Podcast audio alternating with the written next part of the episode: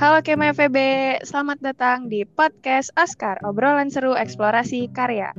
Nah, di episode kali ini gue nggak sendiri nih guys, karena hari ini ditemenin sama bidang sosial dan politik. Bener banget nih Jo, sekarang kita kedatangan dari perwakilan dua teman kita dari bidang sosial politik nih. Boleh langsung dikenalin?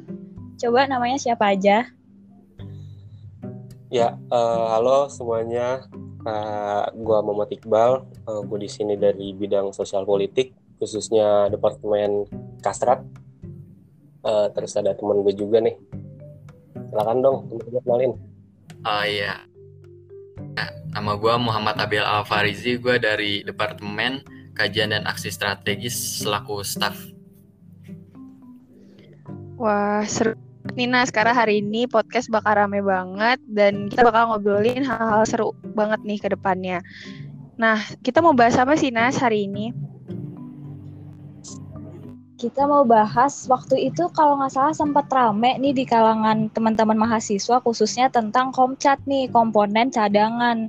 Kenapa? Jadi ini tuh banyak yang bermasalahin antara pro dan kontra nih komcat bakal diberlakuin uh, diamanatkan oleh Undang-Undang Nomor 23 Tahun 2019 tentang pengelolaan sumber daya warga negara nasional untuk pertahanan negara. Banyak pro kontranya loh, teman-teman. Oh iya benar-benar gue juga sering dengar sih di UPN tuh anak-anak pada ngomongin soal komcat. Gue sih nggak tahu persis nih komcat tuh apa dan apa sih emangnya kok sampai rame banget. Rata-rata sih ngomongin teman-teman gue yang laki-laki ya mereka tuh kayak ada pro kontra gitu kayak ada yang mau ikut sama ada yang enggak. Nah kita tuh mau minta uh, pendapat nih malam ini. Kebetulan kan ada anak-anak dari so mereka mungkin udah uh, mengkaji materi nih soal komcat komcat tuh apa kenapa ada pro dan kontranya sih gitu.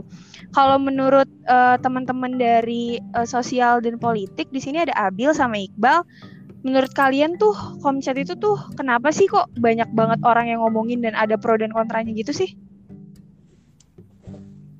Dari siapa dulu nih?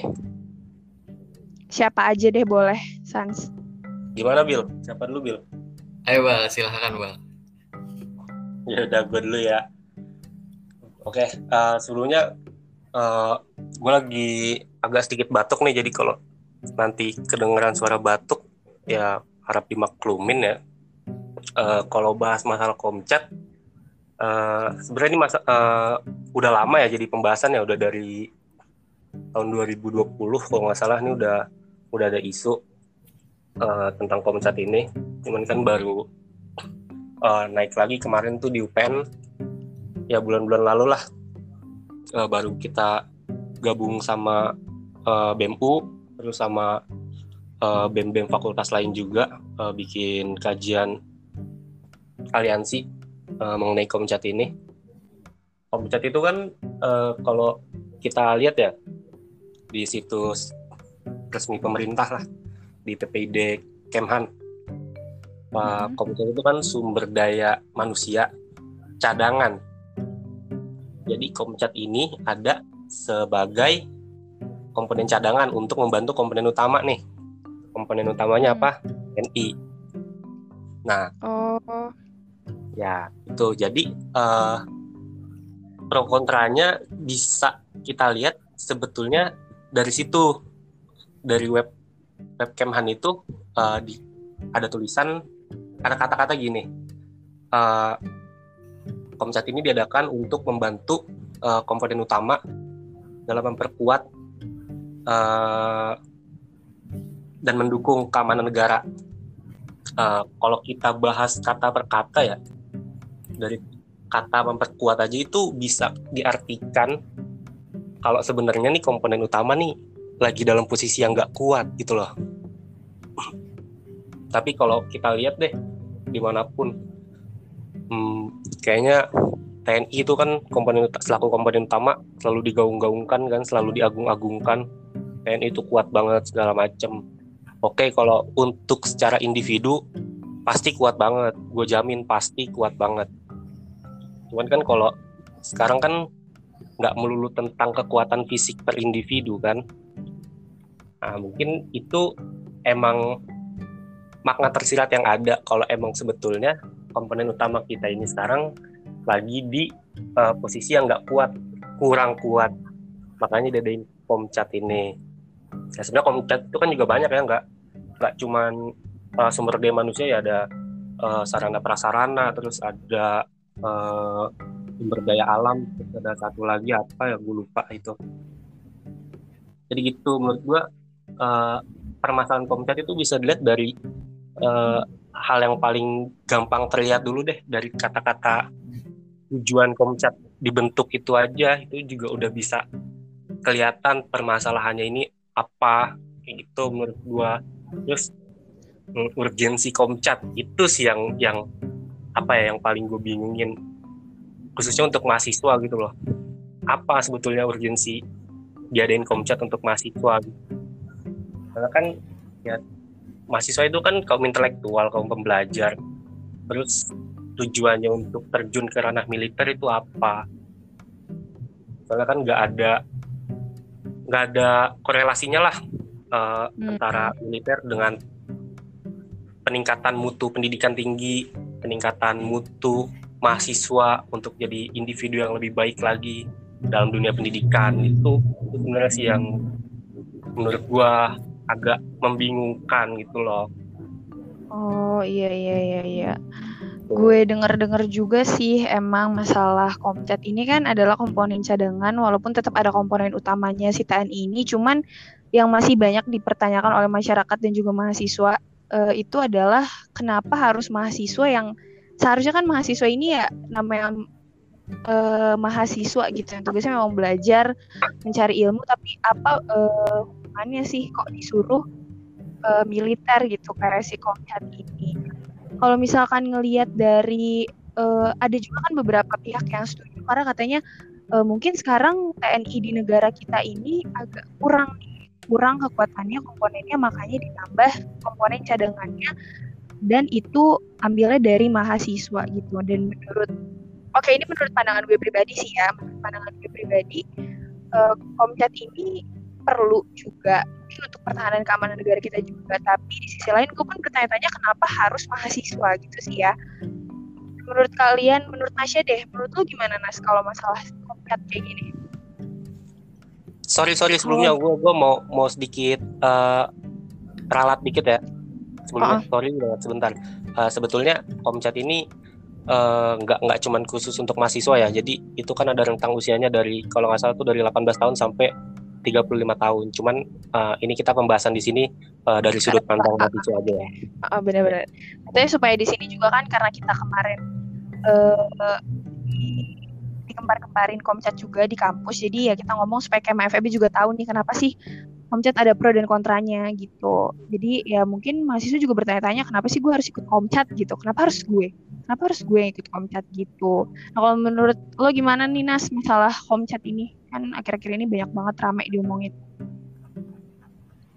Kalau gue pribadi ya Jo apalagi kita nih cewek-cewek kayak sebenarnya sebelumnya tuh kita kayak buta banget gitu kayak komcat apa sih? Ini komcat tuh kenapa iya sih, sih benar-benar gitu. ngomongin rame banget sampai pro kontra kayak gini. Dan ternyata kalau kita uh, apa baca-baca lagi ternyata emang ini perlu banget dikaji gitu loh. Kayak misalkan apalagi kita mahasiswa tadi ada rentang umurnya ya dari 18 tahun sampai 25 35 kalau nggak salah dari 18 sampai 35 nah ya mungkin emang pemerintah menginginkan emang di umur segitu kan di usia yang masih fit dan kayak masih kuat untuk menjadi TNI ataupun uh, senjata negara gitu. Mungkin ya itu salah satu persyaratannya sih kalau menurut gue. Dan emang mahasiswa banyak yang mempersalahkan ini mungkin ya karena mereka mikirnya ya gue butuh masih butuh belajar kewajiban gue belajar dan buat kayak senang-senang sama temen gitu. Sedangkan kalau untuk masalah kayak wam uh, apa TNI jadi kayak senjata negara gitu kan kayak aduh kayak pusing banget gitu. Mungkin mereka mikirnya kayak gitu sih. Jadi kayak mempersalahkan masalah ini Terus gue pengen nanya nih untuk dari sisi Abil nih, mungkin gimana menurut pendapat lo tentang komcat ini? Oke, dari sisi gue sih tentang kenapa sih harus ada komcat uh, bagi mahasiswa ini. Uh, menurut gue sih uh, kenapa harus ada? Yang pertama uh, Indonesia khususnya mahasiswa ini kan beraneka ragam tuh, nggak hanya dari orang Jawa, Sumatera, Kalimantan, Sulawesi bahkan sampai Papua. Di dalam komcat ini tuh bakal diajarin tentang uh, kayak uh, pelajaran bela negara dan uh, dasar kemiliteran gitu. Uh, bagaimana kita dalam bela negara kan kita diajarin kan uh, bagaimana kita menghormati uh, perbedaan budaya, uh, uh, jiwa uh, untuk nasional nasionalisme bangsa uh, agar uh, nggak ada lagi tuh rasa primordialisme dan etnosentrisme dari uh, berbagai macam masyarakat itu sendiri. Uh, terus uh, kenapa harus ada komcat bagi mahasiswa? Uh, kalau kita bisa lihat dan nilai, uh, kalau misalkan mahasiswanya sekedar belajar kognitif lah uh, pengetahuan, itu belajar tuh bisa dari mana aja. Misalkan nggak harus kuliah baru uh, kayak ngerti pelajaran gitu. Uh, tapi kalau misalkan kita ikut kayak Komcat ini, Komcat ini kan suka relawan dari umur 18 sampai 35 tahun. Orang-orang bebas, nggak ada pemaksaan. Ini kan bukan wajib militer gitu kan. Nah, di dalam itu ntar kita bakal dilatih gitu. Uh, yang ya, salah satunya adalah kepemimpinan. Di mana tuh kepemimpinan itu um, maksudnya di kampus kan juga ada tuh kepemimpinan Nah, tapi di sini tuh uh, di apa tuh kita diajarin di tempat yang berbeda. Kan waktu zaman-zaman uh, gua SMA atau kita SMA tuh uh, pernah tuh MPLS tuh kalau misalkan ke Jambore Cibubur tuh kan. Ntar yang latih itu kan uh, tentara gitu.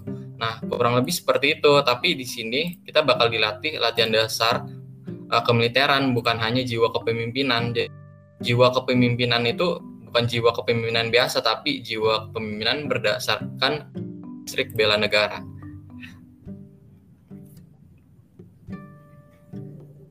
Oh iya, yeah, oke okay, oke, okay. I see sih. Uh, nah ngomongin berarti kan ada sebenarnya ada sisi bagusnya juga sih dari si Komchat ini. Ya walaupun ada beberapa yang bertentangan juga makanya banyak uh, pihak yang masih mempertanyakan gitu. Nah, uh, gue sempat dengar dan lihat berita juga sih waktu ini rame. Itu bener nggak sih sampai ada yang ngelakuin uh, gugatan?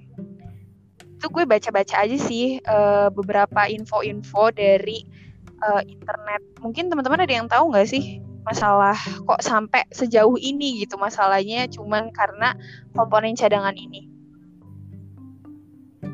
Kalau ah, gue gue coba masuk ya. Kalau kalau untuk gugatan uh, gue gue kurang belum belum pernah dapat informasinya sih ya. Cuman kalau uh, statement yang kontra gitu terhadap Komcat gue pernah uh, baca di beberapa artikel hmm. uh, dari aliansi LSM dari aliansi masyarakat uh, yang nggak setuju uh, tentang adanya Komcat.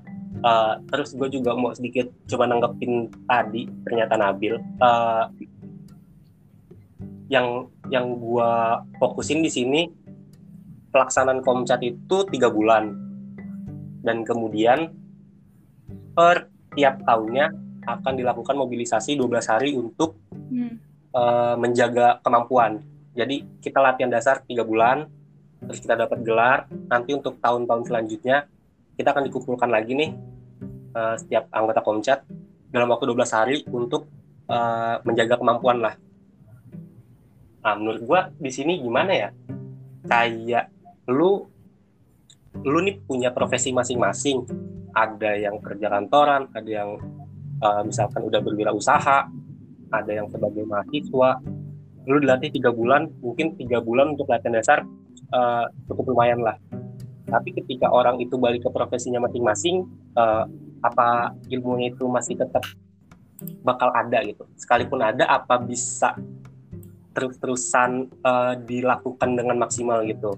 Apalagi dalam pelaksanaannya per tahun-tahun selanjutnya itu kita cuma dikumpulin 12 hari untuk uh, menjaga kemampuan lah untuk uh, latihan lagi gitu. Jadi kalau menurut gue kayak apa yang didapetin selama komunitas itu bakal sia-sia soalnya ya setiap orang bakal balik ke profesinya masing-masing entah itu mahasiswa, pedagang, pekerja kantoran, PNS segala macem kayak gitu. Jadi menurut gua uh, itu sih yang yang salah satu jadi permasalahan uh, seberapa efektif gitu loh pelaksanaan komcat ini sebagai komponen cadangan. Lagi pula kalau menurut gua komcat ini kan bener kata Abil nggak nggak ada pemaksaan uh, dalam mengikutinya kan. Nggak bersifat memaksa cuman ada paksaan ketika dimobilisasi. Barang siapa yang nggak ikut dapat dipidana empat tahun kurungan penjara. Itu uh, dari beberapa tokoh yang gue lihat uh, bisa dibilang melanggar ham lah kayak gitu. Memaksa rakyat sipil untuk ikut ke ranah militer. Kayak gitu. Itu sih kalau tanggapan dari gue mengenai tadi Abil Oke, uh, iya uh, jadi kan komcet ini emang bakal dikenain pidana gitu kan. Uh, bagi orang-orang yang memang nggak mau uh, ikut ketika dimobilisasi. Tapi kan ini balik lagi ke diri mereka, mereka yang mendaftar dan mereka yang mau gitu dan harusnya mereka juga udah membaca persyaratan persyaratannya. Nah untuk mobilisasi uh, setiap per 12 hari hal belajar tuh nggak ada yang sia-sia gitu. Pasti kalau kita sedikit belajar juga UTS segala macam tuh pasti kan kita bakal lupa gitu kan pasti ada aja gitu yang uh, uh, sisanya di otak kita. Kan dengan ikut komponen cadangan ini kan mereka ini secara fisik gitu dasar kemiliteran tapi kan uh, mereka bakal hadapi uh, ancaman militer non militer bahkan hibrid. Uh, kalau misalkan uh, orang uh, ada bakatnya nah itu bisa itu uh, dilatih uh, uh, seperti pengajaran tentang uh, komputer gitu uh, untuk mengatasi uh, pertasan dan segala macam. Sih uh, nggak ada yang sia-sia ya kalau misalkan kita ikut komcat selama tiga bulan dan itu juga uh, per tahunnya uh, selama 12 hari. Ini kan juga uh, untuk mobilisasi sendiri kan juga tergantung dari keputusan presiden dulu gitu uh, dari pasal 10 karena kan presiden presiden kita aja ini uh, warga negara sih dia berasal dari angkatan darat laut dan udara uh, kepada dia gitu sesuai dengan pasal 10 karena dia uh, ibaratnya kalau TNI kan tuh batasnya bintang 4 gitu presiden tuh bintang 5 nya dan sementara limanya aja itu dari sipil jadi menurut gua nggak ada tugas dari komisi ini soalnya presiden juga udah setuju-setuju aja ya sebetulnya uh, yang jadi permasalahan tuh tujuan awal komcat itu emang kalau menurut gue bener-bener rancu ambigu uh, multitafsir lah. Orang tuh bisa menganggapnya uh, hitam atau putih. Jadi uh, menurut gue kayak persiapan mengenai kebijakan komcat ini tuh terlalu terburu-buru kurang dikaji secara matang gitu dari Kemhannya. Apalagi gue pernah lihat tuh gue lupa lagi tuh nyatet artikelnya. Mungkin uh, teman-teman bisa nanti cari di Google deh. Salah satu tujuan dibentuknya Komcat itu untuk menghadapi bonus demografi 2025 sampai 2030 Re, uh, korelasinya tuh apa gitu menurut maksud gue bonus demografi kan uh, ketika angkatan usia kerja lebih banyak jumlahnya daripada angkatan usia tidak kerja. Nah terus uh, kita dilatih militer itu hubungannya apa dalam mempersiapkan kita menuju bonus demografi nanti gitu loh.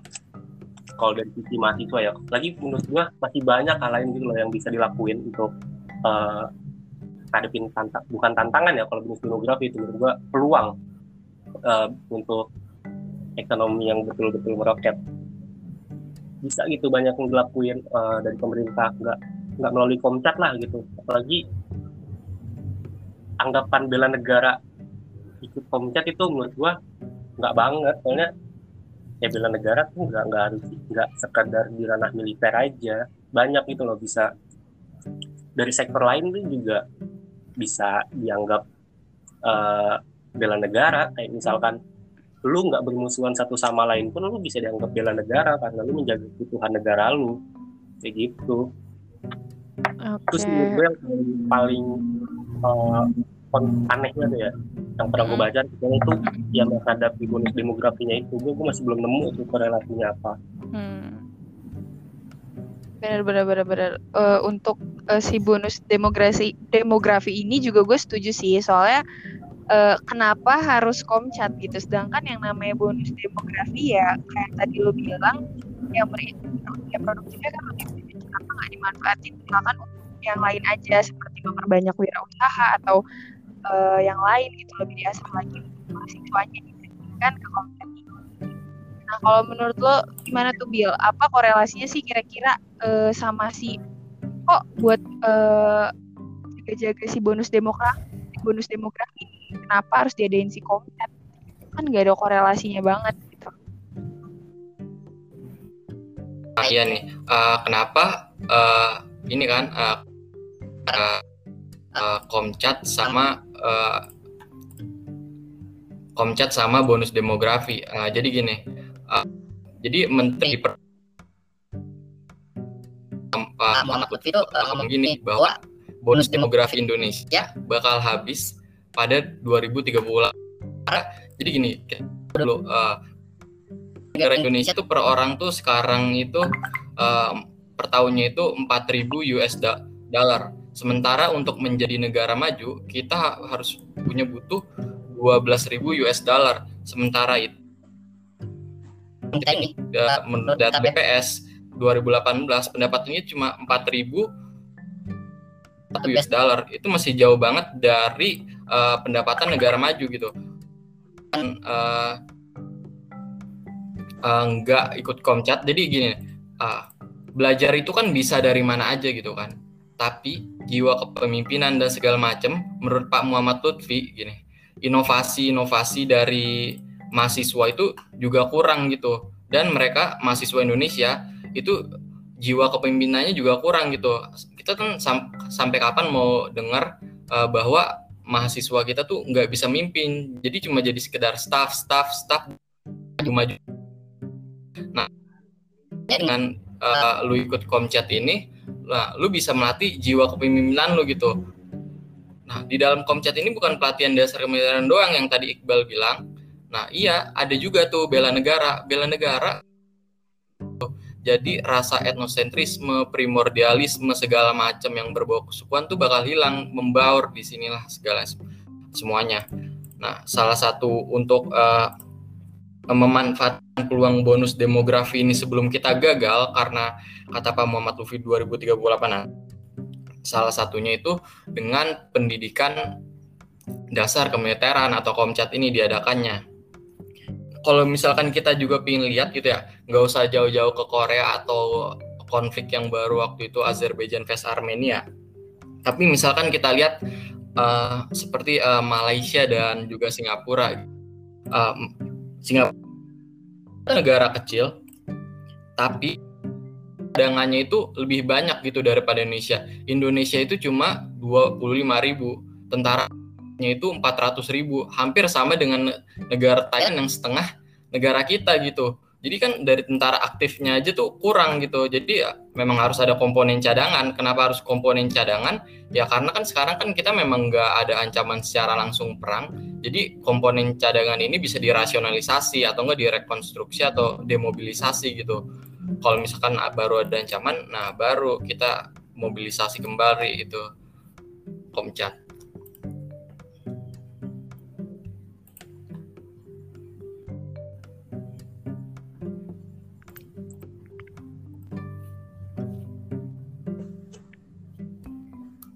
Ya, uh, kalau tadi kata Muhammad Lutfi itu selaku Menteri Perdagangan mahasiswa zaman sekarang itu kurang berinovasi, terus uh, maunya cuma menjadi staff-staff aja, gak mau berwirausaha, gak mau menjadi pemimpin, berarti kan sebetulnya yang uh, perlu dibenahin itu kan uh, dalam sektor pendidikan tingginya itu.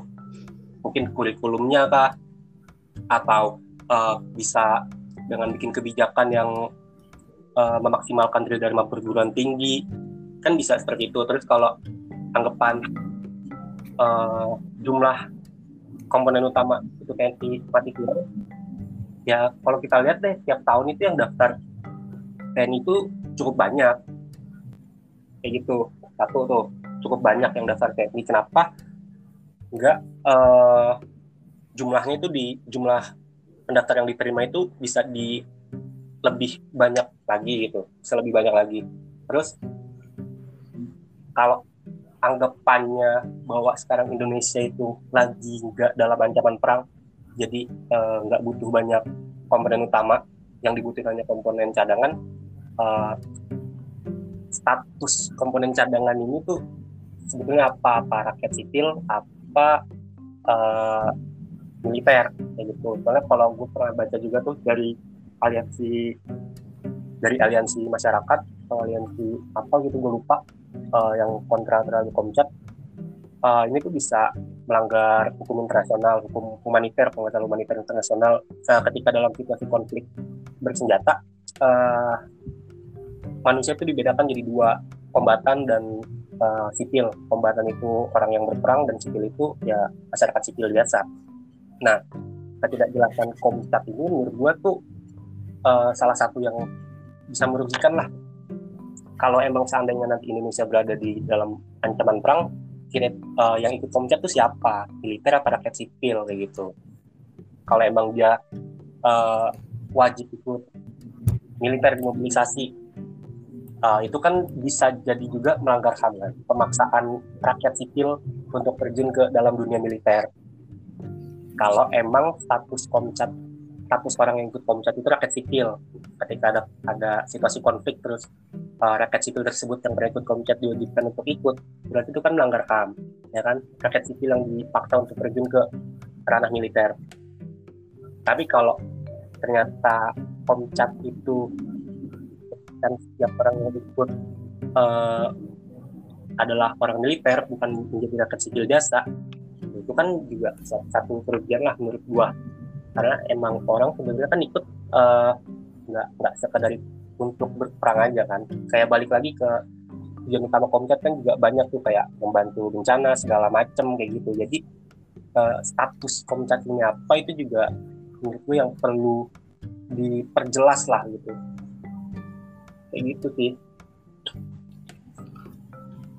Oh iya sih ini. Uh, dari gua ya, ya sesuai pasal 30 ayat 2 Undang-Undang Dasar 1945 usaha pertahanan dan keamanan negara dilaksanakan melalui sistem pertahanan dan keamanan rakyat semesta oleh Tentara Nasional Indonesia dan Kepolisian Negara Republik Indonesia sebagaimana kekuatan utama dan rakyat sebagai kekuatan pendukung.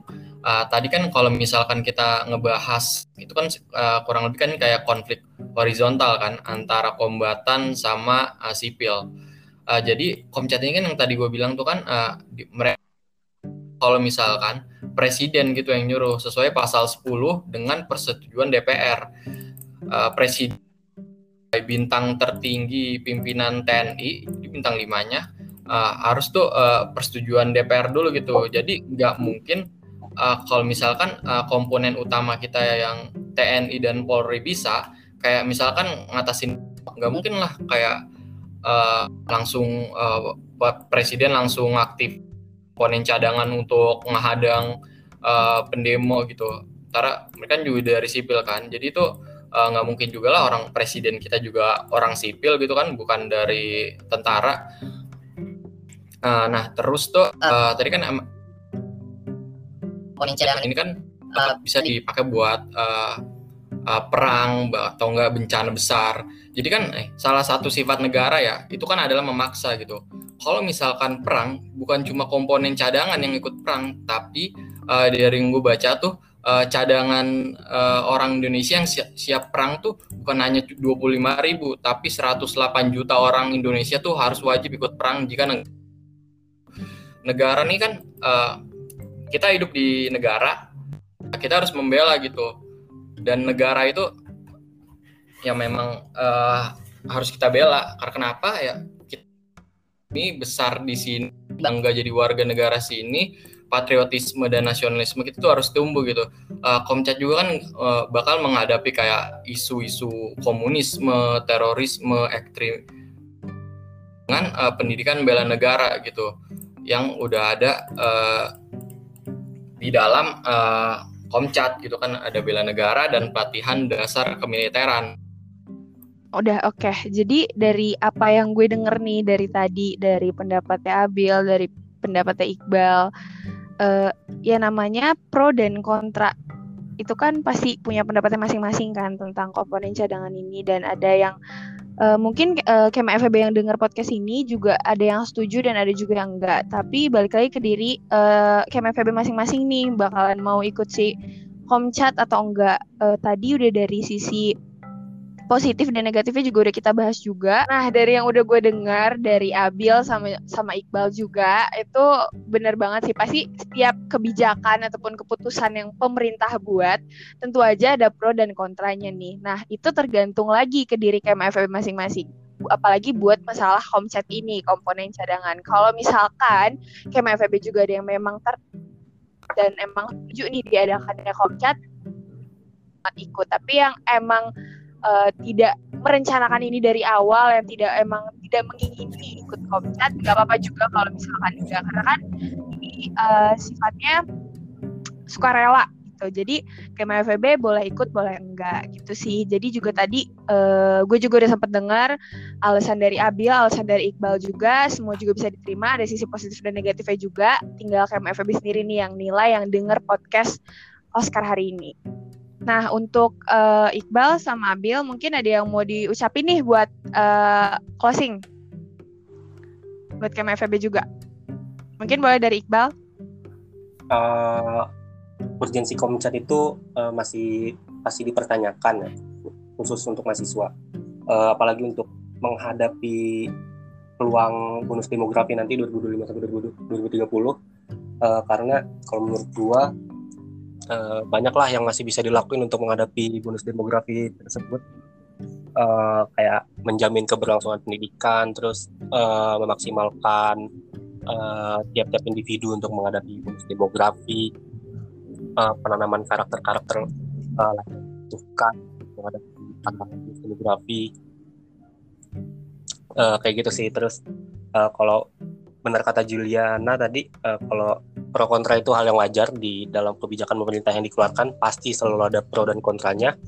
Uh, bisa kita lihat dari sudut pandang kita masing-masing mau di arah ke mana gitu sesuai diri kita masing-masing. Uh, itu aja sih dari gua. Uh, terima kasih uh, buat Juliana buat Nasya nih yang undang gua buat acara podcast Humas podcast or, or podcast apa? Oscar ya? Oscar. Oscar. Obrolan uh, eksplorasi karya. Yeah. Eh, makasih ya sebelumnya. Itu sih dari gua, makasih. Oke, okay, thank you Iqbal. Nah, kalau buat Abil nih, boleh juga ngomong buat KMFB. Ya dari gua, uh, jadi Komcat ini ya, kalau bisa ya, ini dimanfaatin aja gitu. Ini kan uh, salah satu ya, salah satu program dari kementerian itu kan. Walaupun pendidikan yang di dalamnya tuh kita bakal uh, dilatih tentang dasar kemiliteran dan juga bela negara gitu. Jadi kan kita mau dengar gitu ada isu-isu terorisme, pemboman segala macam, konflik antar golongan, bahkan pilpres lalu berdebat gitu, perbedaan pemilihan. Sampai kapan gitu Indonesia bakal kayak gitu gitu. Dan juga kita bakal dapat tuh bonus uh, demografi Nah, kita manfaatin dengan ikut komcat tuh dengan uh, mendapat juga uh, kepemimpinan gitu loh. Dan yang berkarakter bela negara. Nah, sama satu lagi negara tuh nggak butuh negara tuh selalu membiayai kalian sekolah gratis segala macem tapi di saat negara butuh kalian negara nggak maksa gitu kalian mau ikut apa enggak jadi itu terserah kalian. Tapi kalian lu hidup di Indonesia ini ya dan juga berkarakter bela negara gitu. Udah sih itu aja dari gua ya. Salam bela negara. Wah, keren banget nih closing statement dari kedua teman kita, Iqbal dan juga Abil. Terus makasih banget ya untuk kalian berdua udah mau nyempetin datang ke podcast Oscar kita. Untuk Kema FEB yang udah dengerin ini, uh, banyak banget pelajaran yang bakal diambil ya pasti dari podcast kita ini gitu, dari Benar. kajian Komcat. Dari kajian komcat yang sebelumnya kita benar-benar buta banget apa sih itu komcat? Apalagi kita berdua cewek nih ya kan Jo? Kayak Bener kita banget. sebelumnya nggak tahu tuh apa itu komcat. Setelah diskusi yang kita adain sekarang ini kayak kita lebih tahu lebih dalam kajian kom- komcat itu kayak gimana ada pro dan kontra ambil sisi baiknya aja kayak FEB untuk uh, podcast kali ini. Dan juga makasih banget untuk teman-teman kayak FEB yang udah sempetin denger podcast kita. Untuk selanjutnya banyak masih banyak lagi episode yang lebih seru pastinya. Bener banget, jangan lupa ya KM FEB untuk eh, tetap stay tune di Instagramnya BEM FEB UPN VJ karena bakal banyak banget konten-konten dari Humas, khususnya juga podcast nih, podcast Oscar. Jangan sampai kalian ketinggalan episode-episode terbarunya ya guys. See you di next podcast. Thank you guys. Thank Thank you. Thank you. Bye bye. Bye bye.